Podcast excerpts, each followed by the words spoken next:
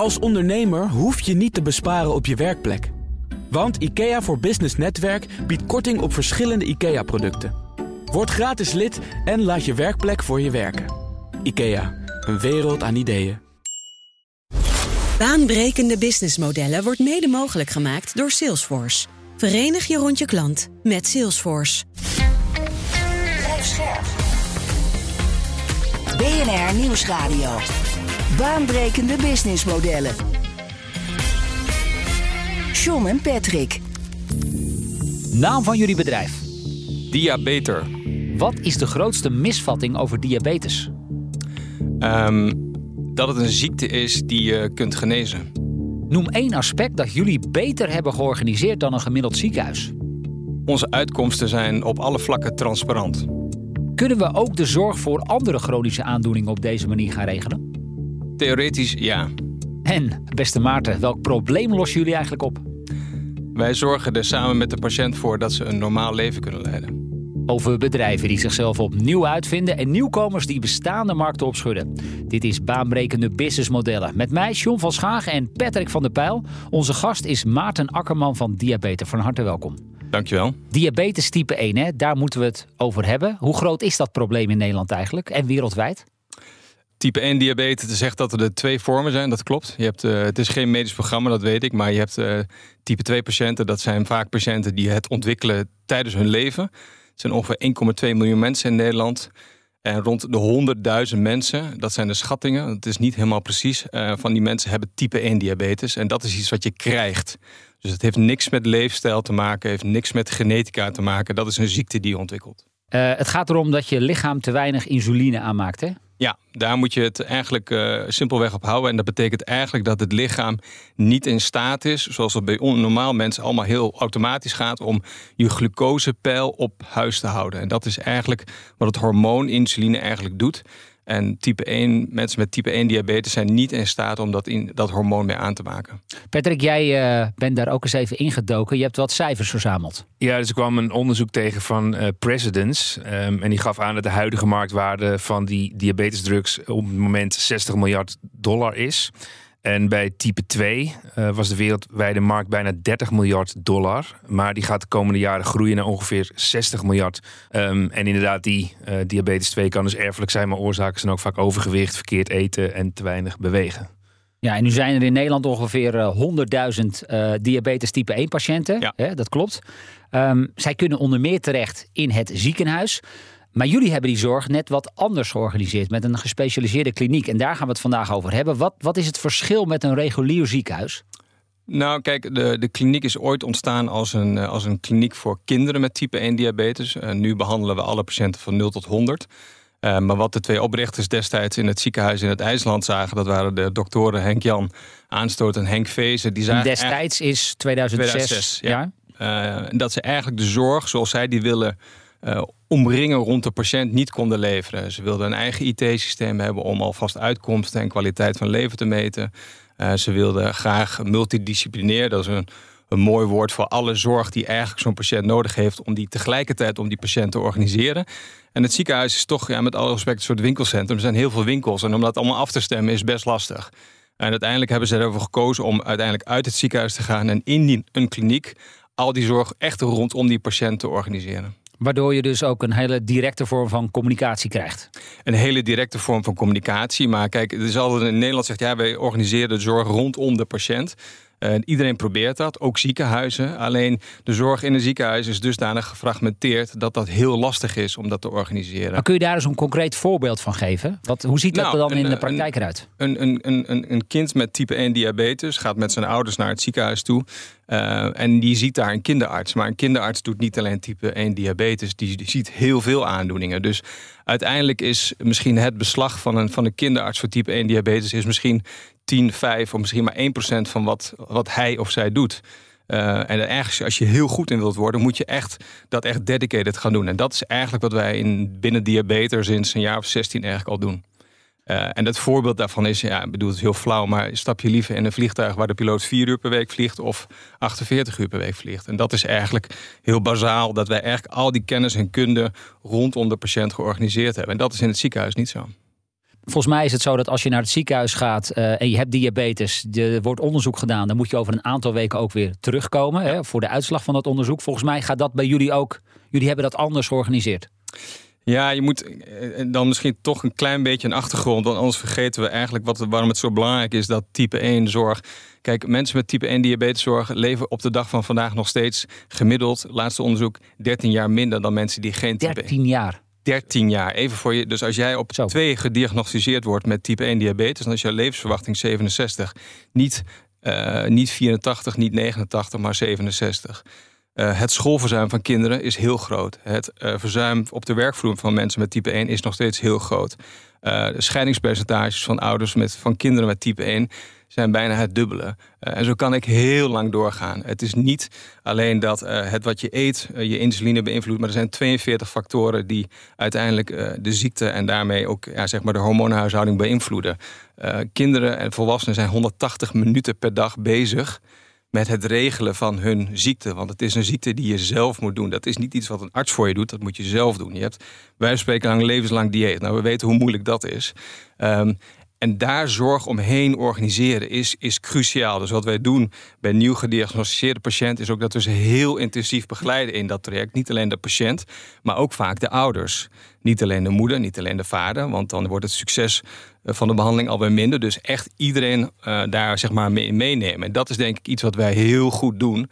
En waar we ook echt in gespecialiseerd zijn. Maar Maarten, bedoel je dan als je het hebt over arbeidsverzuim, schoolverzuim... en, en huwelijken die eraan gaan... dat dat te maken heeft met het gedoe, stress... Ja. Om uh, die zorg zelf te kunnen... Ja, weet je, ik zal, ik zal het bij mezelf houden. Maar je, je hebt altijd wel eens een keer een moment dat je denkt van... goh, ik moet even gaan opletten. En ik moet meer gaan sporten. En ik moet gaan opletten wat ik, uh, wat ik eet. Nou, hoe lang hou je dat vol? Nou, bij mij gaat dat meestal na twee weken gaat het alweer af. Ja. Mensen met type 1 diabetes moeten dat elke dag doen. En gelukkig is er tegenwoordig heel veel technologie en hulpmiddelen die zeg maar, dat veel makkelijker maken.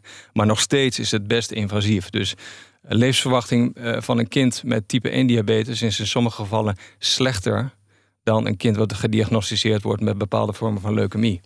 en als wij een kind zien in het Maxima Medisch Centrum, dan zijn we allemaal diep onder de indruk. Maar als we een kind zien wat blij in de speeltuin rondloopt met type 1 diabetes, dan zien we eigenlijk niet het verschil tussen een goed en een gezond kind. Nee. Terwijl het kind een van de meest ja, ik zeg het maar gewoon een van de meest grote klote ziektes heeft die, die je maar kan, bedenken. Ja. Hey, en jullie hebben dat dus, die zorg op een andere manier georganiseerd. En we hoorden net al uh, uh, wat kleine voorbeelden. Maar ik wil daar toch wel wat dieper met jou op induiken. Maar eerst Patrick, um, ik zei het al in mijn introductie.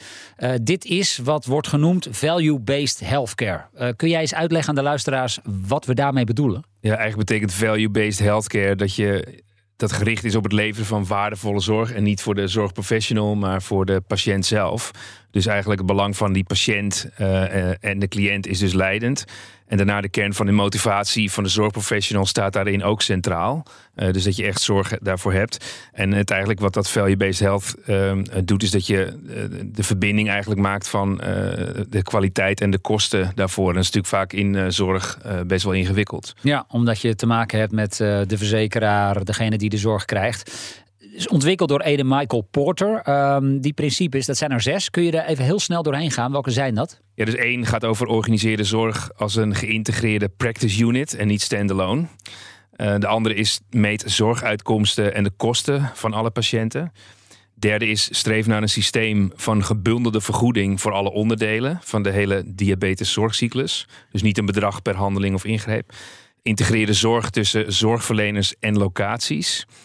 Um, zorg voor geografische uitbreiding van een goed lopend uh, zorgconcept. En ontwikkel daarbij een IT-platform. Een IT-platform, uh, Maarten, dat noemde je net al. Ja. Maar eerst even die eerste. De zorg als Integrated Practice Unit. Ja, dat, dat is, nogal ingewikkeld. Dat is een heel moeilijk woord. Ik, zal, ik denk zelf in plaatjes, dus ik zal proberen dat uit te leggen. Uh, als Max Verstappen in Zandvoort de pit in rijdt, dan staat hij dan gemiddeld twee seconden. Um, dat betekent dat daar een team omheen staat en iedereen in dat team heeft een bepaalde rol. Uh, binnen diabetes is dat eigenlijk hetzelfde. Uh, de patiënt komt de kliniek in en wordt eigenlijk omringd door een heel team van mensen die die patiënt op dat moment moet zien. Dus dat kan een verpleegkundige zijn, dat kan een kinderarts zijn, dat kan de internist zijn, dat kan ook de diëtist zijn, dat kan ook de psycholoog zijn, dat kan zelfs de sociaal werker zijn. Die mensen hebben we allemaal onder één dak. Die patiënten worden voorbesproken s ochtends. En eigenlijk als die patiënt komt naar de kliniek, dan wordt die gezien door dat team. En is eigenlijk ook zo snel mogelijk en zo efficiënt mogelijk weer, net als de Formule 1 auto, uit de, de pitstraat, uit de kliniek. En dat is eigenlijk heel bazaal uh, de, idee van een integrated practice unit. En dat, ehm, ja, ik ben een leek op dat gebied, maar dat gebeurt in een ziekenhuis dus in mindere mate. Nou, je moet je voorstellen, in het ziekenhuis heb je de afdeling interne, heb je de afdeling kindergeneeskunde, heb je afdeling psychologie, als er al psychologen in het ziekenhuis zitten. Dus dat zullen allemaal verschillende afspraken zijn. Uh, ik denk dat de zorg en ziekenhuizen, iedereen doet daar fantastisch zijn best. Maar goed, daar waar een pitstop in een ziekenhuis misschien wel anderhalf minuut duurt, kunnen jullie dat in 20 seconden? Ja, nou ja, kijk, je, je hebt het nu over minuten. Ik denk, waar een pitstop bij ons in één keer kan, zul je misschien acht keer naar de pit moeten in een ziekenhuis. Ja, ja, ja. En dit alles moet dan leiden tot ehm, ja, hogere gezondheidswaarden, lagere kosten? Nou, ons streven is uiteindelijk, kijk, wij kunnen de patiënten, zoals ik al zei, niet genezen. Maar we kunnen wel voorkomen dat ze uiteindelijk uh, complicaties krijgen. Dus dingen waar ze last van krijgen. En het nadeel van deze ziekte is uiteindelijk dat een hoge suikerspiegel uiteindelijk leidt tot oogproblemen, nierproblemen, problemen met de zenuwen, eh, problemen met uiteindelijk ook eh, met nieren, maar ook tot problemen bijvoorbeeld met de hersenen en met het hart. En in die zin is dat iets zo goed mogelijk die patiënt blijven monitoren en die suikerwaardes binnen bepaalde waardes houden, is cruciaal. Want daarmee voorkom je lange termijn complicaties. En dat is iets wat wij binnen diabetes als geen ander kunnen. Als je kijkt naar onze uitkomsten, patiëntuitkomsten, dan zitten wij in studies van 300 en 500.000 patiënten wereldwijd zitten wij op nummer 1, 2 en 3 in de verschillende leeftijdscohorten. Maar dat betekent eigenlijk dat die aanpak, wat je schetst in die eerste stap al, uh, leidend is voor het hele diabetesconcept. Um, Want ik heb ook wel in het ziekenhuis gemerkt dat um, zij ook zeiden van hé, die doorlooptijd kan niet anders, omdat er verschillende experts naar moeten kijken en die kunnen we niet allemaal tegelijk in een kamer zetten. Kijk, en het is een, het is een chronische ziekte. Hè? Dus de patiënten hebben het levenslang. Maar als ze bij ons komen, over het algemeen blijven ze ons bij ons levenslang. Dat geeft ook echt een relatie aan als je tussen de patiënt uh, of de, de mensen met type 1 diabetes en diabetes. Uh, die, die relatie is heel intens. Uh, enerzijds omdat we gewoon een extreem denk ik wel intensief behandeltraject hebben met de patiënten. Anderzijds verwachten wij van de patiënten ook iets terug om uiteindelijk succesvol te zijn. En ik denk dat dat een aanpak is die ons ook differentieert van de meeste ziekenhuizen. En nogmaals, het is niet het verschil tussen goed en slecht. Hè? Het gaat tussen goed en misschien wel veel beter. Dat IT-systeem, uh, Patrick noemde het net al, belangrijk aspect. Dat hebben jullie zelf ontwikkeld. Ja. Um, leg eens uit, waarom is dat belangrijk en, en wat kan zo'n systeem dan? Nou, kijk, iedereen heeft in de, in de wereld altijd over data. Binnen Wellbeest Healthcare moet je echt praten over patiëntenuitkomsten. Wat wij kunnen doen met ons systeem is enerzijds is, uh, van alle fabrikanten die zeg maar de bloedglucose meten, uiteindelijk alle data verzamelen. Bij ons gaat het helemaal geautomatiseerd. Dat betekent even niet flauw dat we acht verschillende stekkers van acht verschillende apparaten zeg maar, aan onze computer moeten pluggen. Wij vangen die data elke dag. wij vangen ongeveer 250 parameters per patiënt. Dus het gaat van suikerwaardes, maar het gaat ook van allemaal klinische parameters, uh, tevredenheidsscores. Dat wordt allemaal geautomatiseerd in ons systeem geüpload.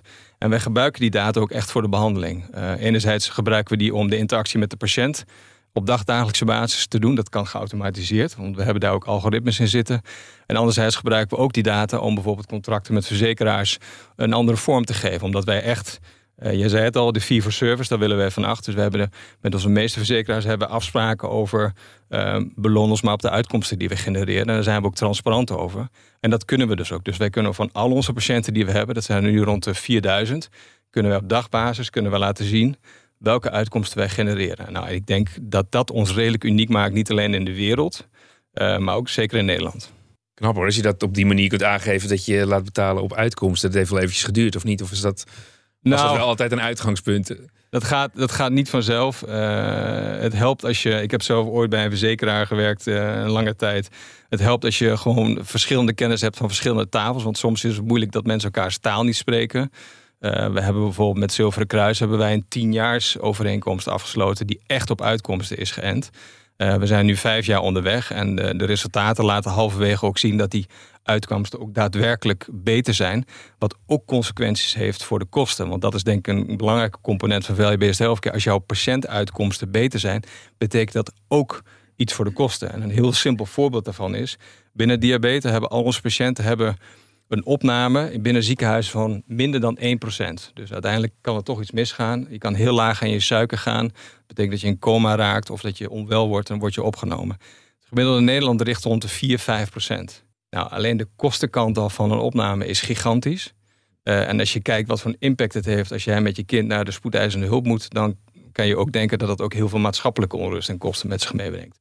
Dus daar hebben we ook specifieke afspraken over gemaakt. Dat meten we ook en daar zijn we ook transparant in om die te laten zien naar verzekeraars. En die zijn daar ook heel content mee. BNR Nieuwsradio. Baanbrekende businessmodellen. Met deze keer het verhaal over diabeter. Zometeen meer, maar nu eerst weer een ander businessmodel in de spotlights. En dat doen we deze keer met Remy Gieling van AI.nl. En hij wil het hebben over. GPT for Work. GPT for Work is een integratie van het taalmodel achter ChatGPT, GPT-4, direct in uh, tools die heel veel business professionals vandaag al gebruiken. Bijvoorbeeld Excel, Google Sheets of Google Docs. Waarbij het dus mogelijk wordt om direct in deze toolings ja, de mogelijkheden van die taaltechnologie toe te passen. En ja, dat gaat, ja, ik denk voor heel veel mensen een ongelooflijke hoeveelheid tijd schelen. Efficiënter werken dus. Dat is grosso modo de belangrijkste benefit die dit businessmodel teweeg wil brengen. En het werkt ongeveer zo. Voorheen, als je uh, iets gedaan wilde krijgen met zo'n taalmodel, bijvoorbeeld voor het herschrijven van een eh, persbericht, ja, dan moet je naar ChatGPT gaan en dan uh, voerde je daar je prompt in, het commando wat je wilde, uh, wat je wilde dat ChatGPT voor jou ging uitvoeren. En dat werkt op zich wel goed. Het heeft alleen een paar nadelen. Eén, je moet iedere keer naar ja, die site van OpenAI toe gaan. Dat zit niet in je standaard werkproces, dus vaak denk je daar niet aan. Twee, je moet iedere keer opnieuw een prompt bedenken. Uh, wat best wel veel denkwerk kost. En drie, die prompts waren heel moeilijk om te delen met collega's. Nou, als je dit nu toepast in Excel, dan kan je die prompts veel makkelijker gaan delen. En kan je ook eigenlijk al bestaande informatie die je in het bedrijf hebt staan, bijvoorbeeld uh, een lijst met producten die je verkoopt, heel makkelijk koppelen aan die prompts. Neem bijvoorbeeld een makelaar. Die moet elke keer teksten bedenken die ze op Funda gaan zetten. Nou, met deze tool heb je dus een Excel-sheet waar al die info over een woning al in staat.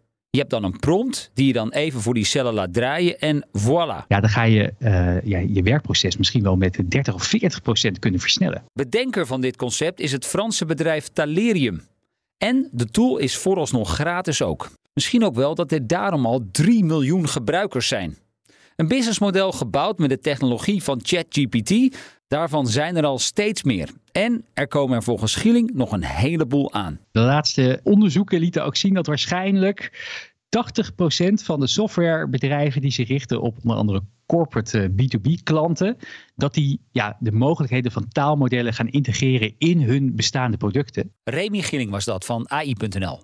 Wij praten verder met eh, Maarten Akkerman van Diabeter. Je hebt net ook al iets verteld over de resultaten van dit uh, beleid. Um, nu is dit concept in 2006 gestart. Je zei het al, hè, door twee kinderartsen destijds. Ja. Uh, inmiddels hebben jullie zo'n vijf klinieken verspreid over Nederland. En jullie behandelen 4000 patiënten per jaar, hoor ik je net zeggen. Er zijn daarentegen uh, 100.000 mensen in Nederland met diabetes type 1. Ja, je voelt mijn vraag misschien al een beetje aankomen. Dan ben je eigenlijk toch veel te klein. Nou, ik denk dat wij, uh, onze ambitie is inderdaad om uh, niet sec alleen te groeien, maar zoveel mogelijk patiënten met type 1 uh, te behandelen in onze diabetesklinieken. We hebben de afgelopen vijf jaar 20% groei gehad in patiëntenaantallen. Dus voor een kliniek is dat vijf fors.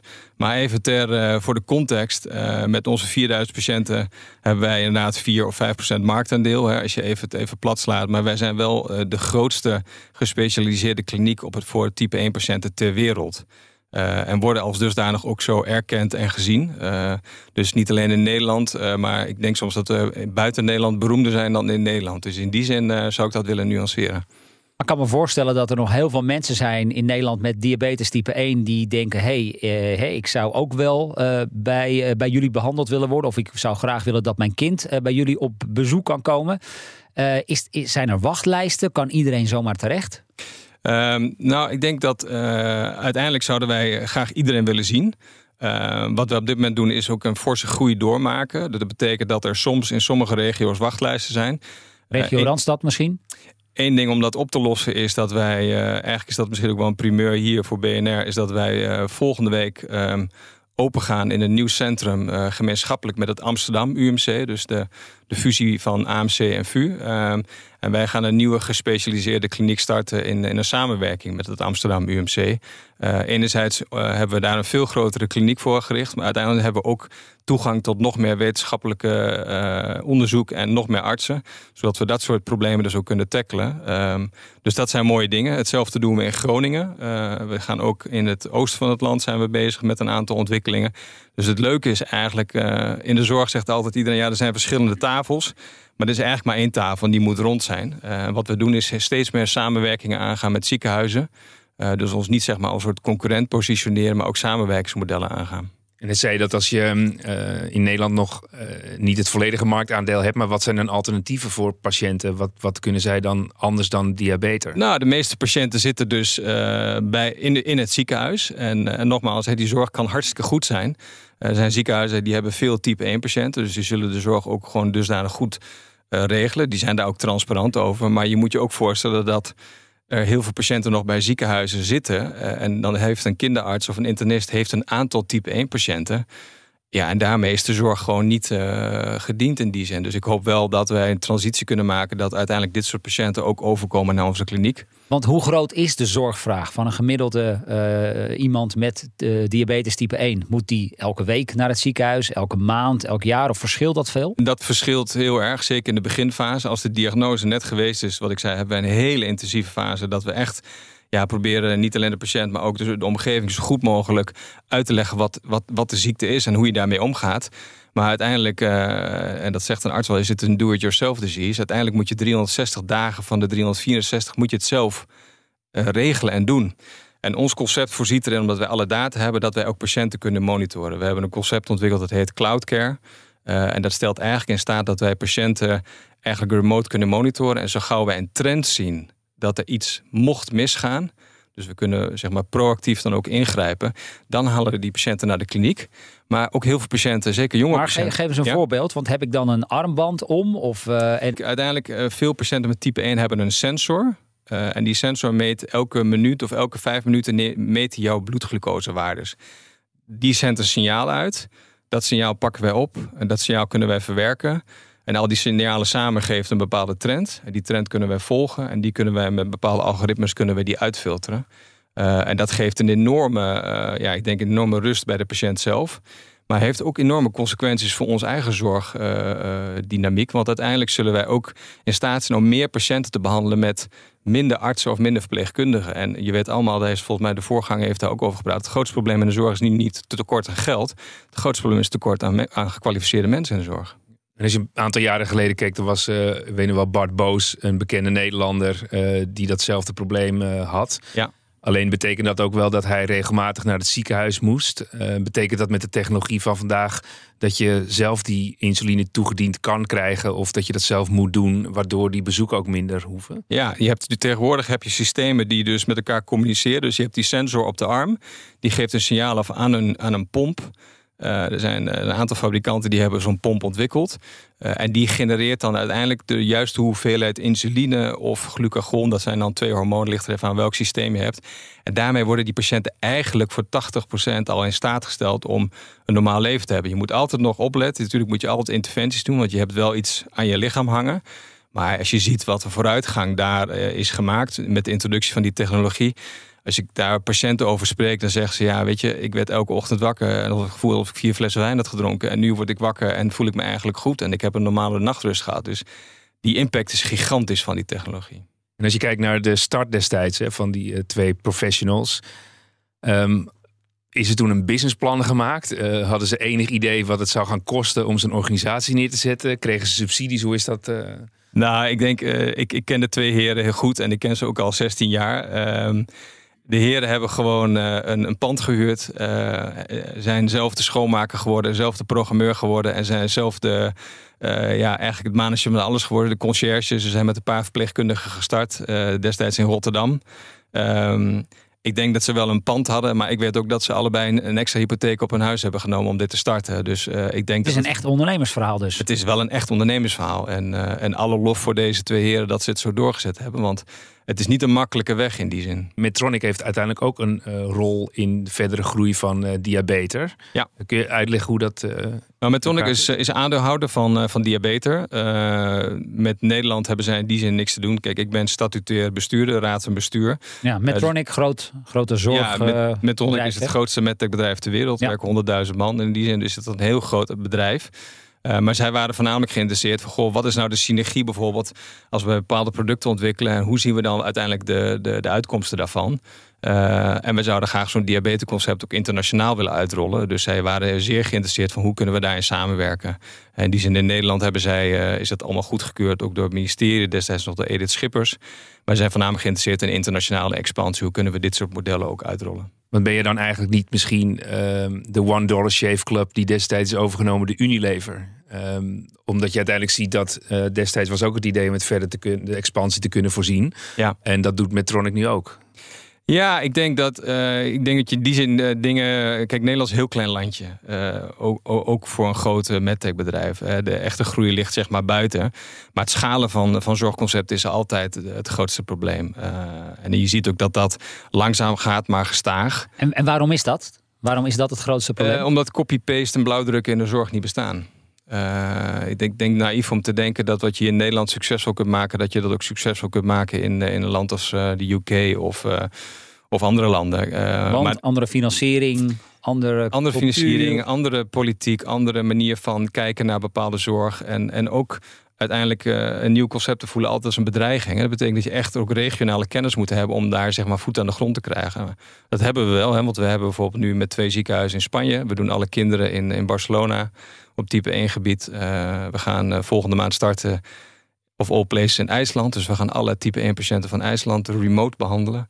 Uh, en we hebben ook klinieken in het Midden-Oosten die uh, echt volop op en running zijn. Want ik merkte ook zeg maar, in de papers dat er heel veel internationaal uh, geluid is. Maar hoe komt dat dan? Wat maakt het dan dat het internationaal zo, zoveel belangstelling geniet? Nou, ik denk met, in alle eerlijkheid dat, er, dat, er, dat er vrij, veel, vrij weinig goede voorbeelden zijn van value-based healthcare. Die zijn er wel. En als ze er zijn, dan worden ze vaak toch wel naar voren gehaald. Dat is voor mij natuurlijk uh, voor de kliniek en voor de mensen die er werken is dat een enorm compliment. Hè. We zijn door World Economic Forum zijn we uitgeroepen als het voorbeeld uh, op value-based healthcare uh, mondiaal. Dus waar je een kleine kliniek groot in kunt zijn.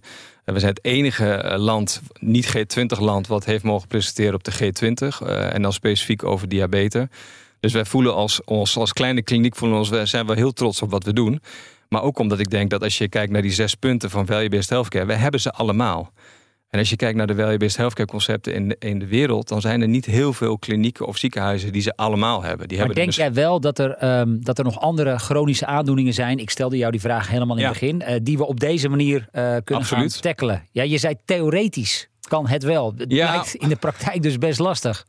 Theoretisch is, is in die zin, maar ik denk dat als je kijkt naar de andere chronische ziektes, zoals uiteindelijk uh, cardiovasculaire problematiek, wat je ook voor je leven lang hebt. Maar als je kijkt naar obesitas, Uh, mensen denken altijd obesitas, ja, dat, dat ligt aan uh, de mensen zelf die het zo dik zijn. Maar dat is gewoon een geclassificeerde uh, pandemie of epidemie. Dat is gewoon een ziekte. En de mensen hebben dat levenslang. De operatie is, is, is natuurlijk iets, maar je moet die mensen ook hun leven lang helpen en volgen. En ik denk dat dit soort concepten daar ook ja, gewoon fantastisch zouden kunnen aansluiten. Maar hebben we dan weer twee ambitieuze doktoren nodig die ja, de schouders uh, eronder zetten en zeggen: Dit gaan wij doen? Of hoe, hoe gaan we nou, dat? ik denk dat voor obesitas weet ik bijvoorbeeld dat de Nederlandse obesitaskliniek daar uh, waanzinnig uh, zeg maar aan de weg timmert. En heel, heel, heel goed naar die, die chronische paarden kijkt. Dus die, en die werken ook samen in Nederland met een aantal ziekenhuizen die heel ver daarin zijn.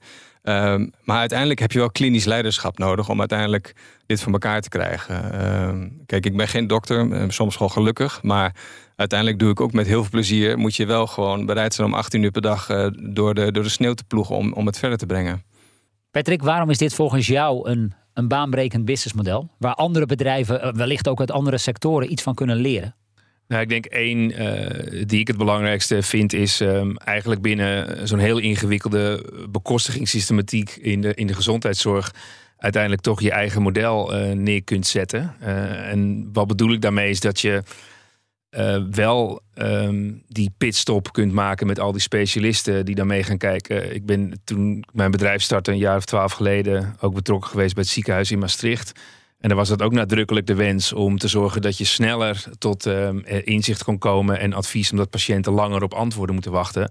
Nou, dat is echt ongelooflijk moeilijk. Uh, dus dan zie je uiteindelijk dat dat uh, patiënt centraal zetten daardoor belangrijk is en dat je dan met een ander model komt. Maar ik denk ook een groot gedeelte is het inzetten van de uh, IT. En waar je dus ook echt zorg op afstand uh, kunt leveren. En er wordt ook al heel lang en heel vaak over gesproken.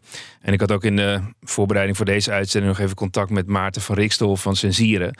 Ik zeg, uh, laat eens weten hoe jij denkt over value-based. Hij zegt nou, ik begrijp dat je diabetes in de uitzending hebt. Hij zegt, we zijn er heel vaak over aan het spreken. Maar eh, kun je er nou echt aan voldoen? Dat is echt buitengewoon lastig.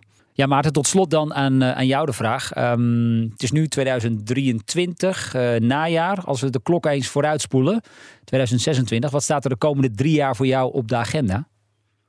Uh, de komende drie jaar zal Diabeter nog meer samenwerkingen aangaan met verschillende zorgverleners in Nederland. En mijn hoop is om uiteindelijk, uh, precies wat jij zei, van als iemand gediagnosticeerd wordt met type 1 diabetes, zorg dat ze denken, ik moet naar diabeter. Dankjewel in ieder geval uh, voor jouw komst naar de studio. Uh, Maarten Akkerman dus van Diabeter en heel veel succes. Patrick en ik zijn er uiteraard gewoon volgende week weer. En wil je voor die tijd al meer luisteren? Check dan ook onze andere afleveringen die je vindt op vrijwel alle bekende podcastkanalen. Tot volgende week. Baanbrekende businessmodellen wordt mede mogelijk gemaakt door Salesforce. Verenig je rond je klant met Salesforce. Als ondernemer hoef je niet te besparen op je werkplek.